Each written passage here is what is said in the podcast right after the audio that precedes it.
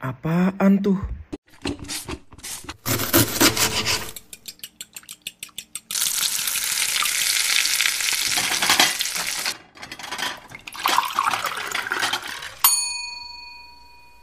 Balik lagi di podcast yang membahas segala hal tentang makanan, di mana lagi kalau bukan di Secret Recipe. Hai hai food lovers, masih bersama Aldo di sini akan menemani kalian di beberapa menit ke depan dengan bahasan yang menarik tentunya. Ke warung beli kelapa, kelapa muda seger rasanya. Selamat berbuka puasa untuk sahabat di mana pun berada. Asik. Selamat berbuka ya buat kalian semua yang menjalankan ibadah puasa.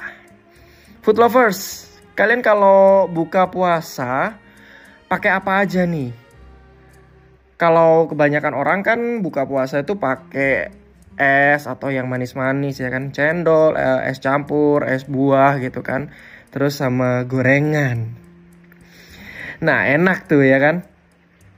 bukanya seger-seger terus makannya gorengan yang masih anget sedap apalagi kalau misalnya gorengannya tuh dicocol pakai sambal atau kecap manis wih tambah mantap ya kan nah kalau saya saya kan nggak ikut puasa tapi seneng aja gitu ikut makan gorengannya kalau teman-teman lagi buka puasa.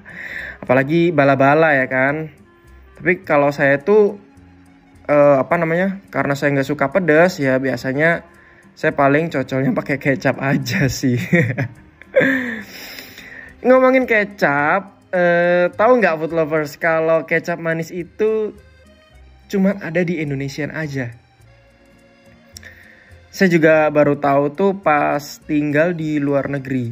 Jadi teman-teman tuh sampai bela-belain beli kecap manis sama sambel karena tahu kalau di sana tuh nggak ada. Di luar tuh kalau namanya kecap itu udah pasti kecap asin atau orang Jepang itu biasanya bilang tuh soyu.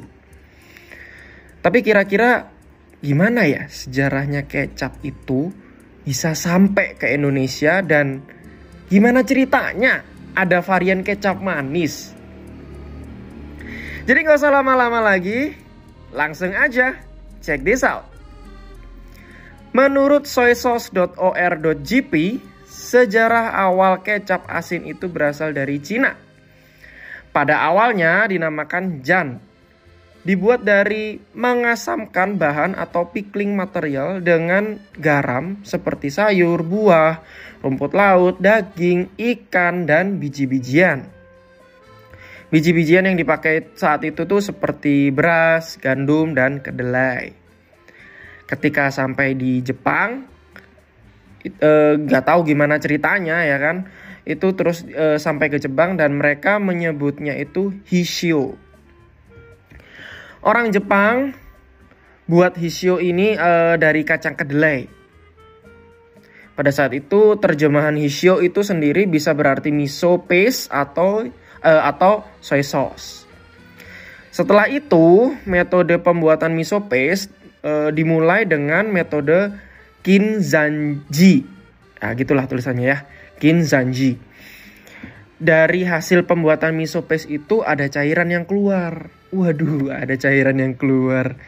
Nah, iya, jadi uh, kan waktu pembuatan miso itu ada liquidnya yang mungkin uh, kalau miso itu kan dia modelnya paste ya, padatan. Nah, itu ada cairan uh, liquidnya gitu ya. Kayak mungkin cairan sisa gitu. Nah, pas dicicipin itu rasanya enak. Itulah awal sejarah dari temari soy sauce. Buat yang nggak tahu apa namanya tentang soy sauce Jepang, sebenarnya variannya banyak banget. Salah satunya si temari ini. Temari ini sekilas info aja, temari ini e, nama lainnya itu soy sauce yang gluten free karena dia tidak mengandung wheat atau gandum. Jadi dia bebas dari gluten. Kalau yang lain itu masih ada usukuchi, soy so, uh, koi kuchi, usukuchi dan lain sebagainya. Banyak banget lah. Oke, nah terus gimana ya kecap ini bisa sampai ke Indonesia? Dalam artikel Jalur Sutra, Sejarah dan Posisi Indonesia, Selat Malaka adalah selat penghubung antara India dan Cina. Dan pada zaman dahulu, imigran Cina itu mulai memperkenalkan kecap ke Nusantara. Berdasarkan buku dari Bondan, kecap manis Indonesia's National Condiment, imigran Cina yang bermukim di Tuban, Gresik, Lasem, Jepara, dan Banten sudah menyadari bahwa orang Jawa suka rasa manis sejak awal abad ke-11.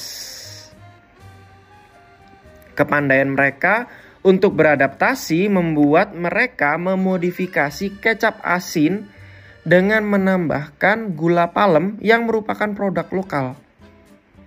Voila, jadilah kecap manis. Dari keterangan Bondan, hipotesis pertama, kecap manis sudah lahir di Nusantara sejak abad ke-11. Bukan abad ke-18. Meski begitu, ada kisah yang bisa jadi menjadi alur kelahiran dan mulai tersohornya kecap manis di Nusantara. Terus kenapa ya namanya itu kecap? Menurut amp.kontan.co.id, pada tahun 1690, bangsa Cina menyebut saus dari kacang kedelai itu dengan nama ketchup. Nah, ini udah udah jauh ya dari dari yang awal tadi yang namanya Jan itu mungkin mereka sudah memodif apa udah ganti nama terus prosesnya mungkin juga udah diperbaharui jadi nam, e, namanya pun juga berubah. Lalu pada zaman dahulu tipe perdagangan itu adalah barter.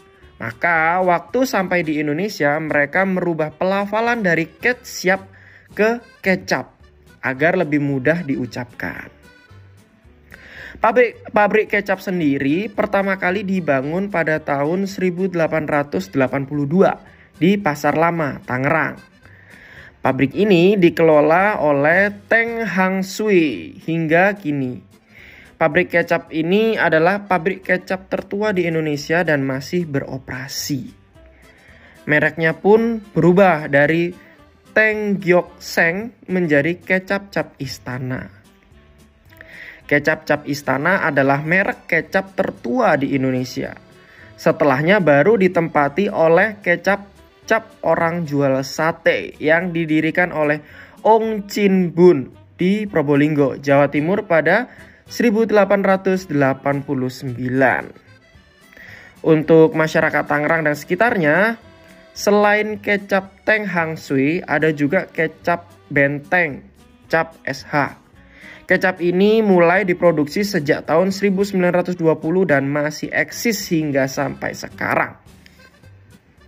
Kecap benteng cap SH atau biasa dikenal di pasaran dengan nama kecap benteng ini dibuat oleh Lo Chit Xiong.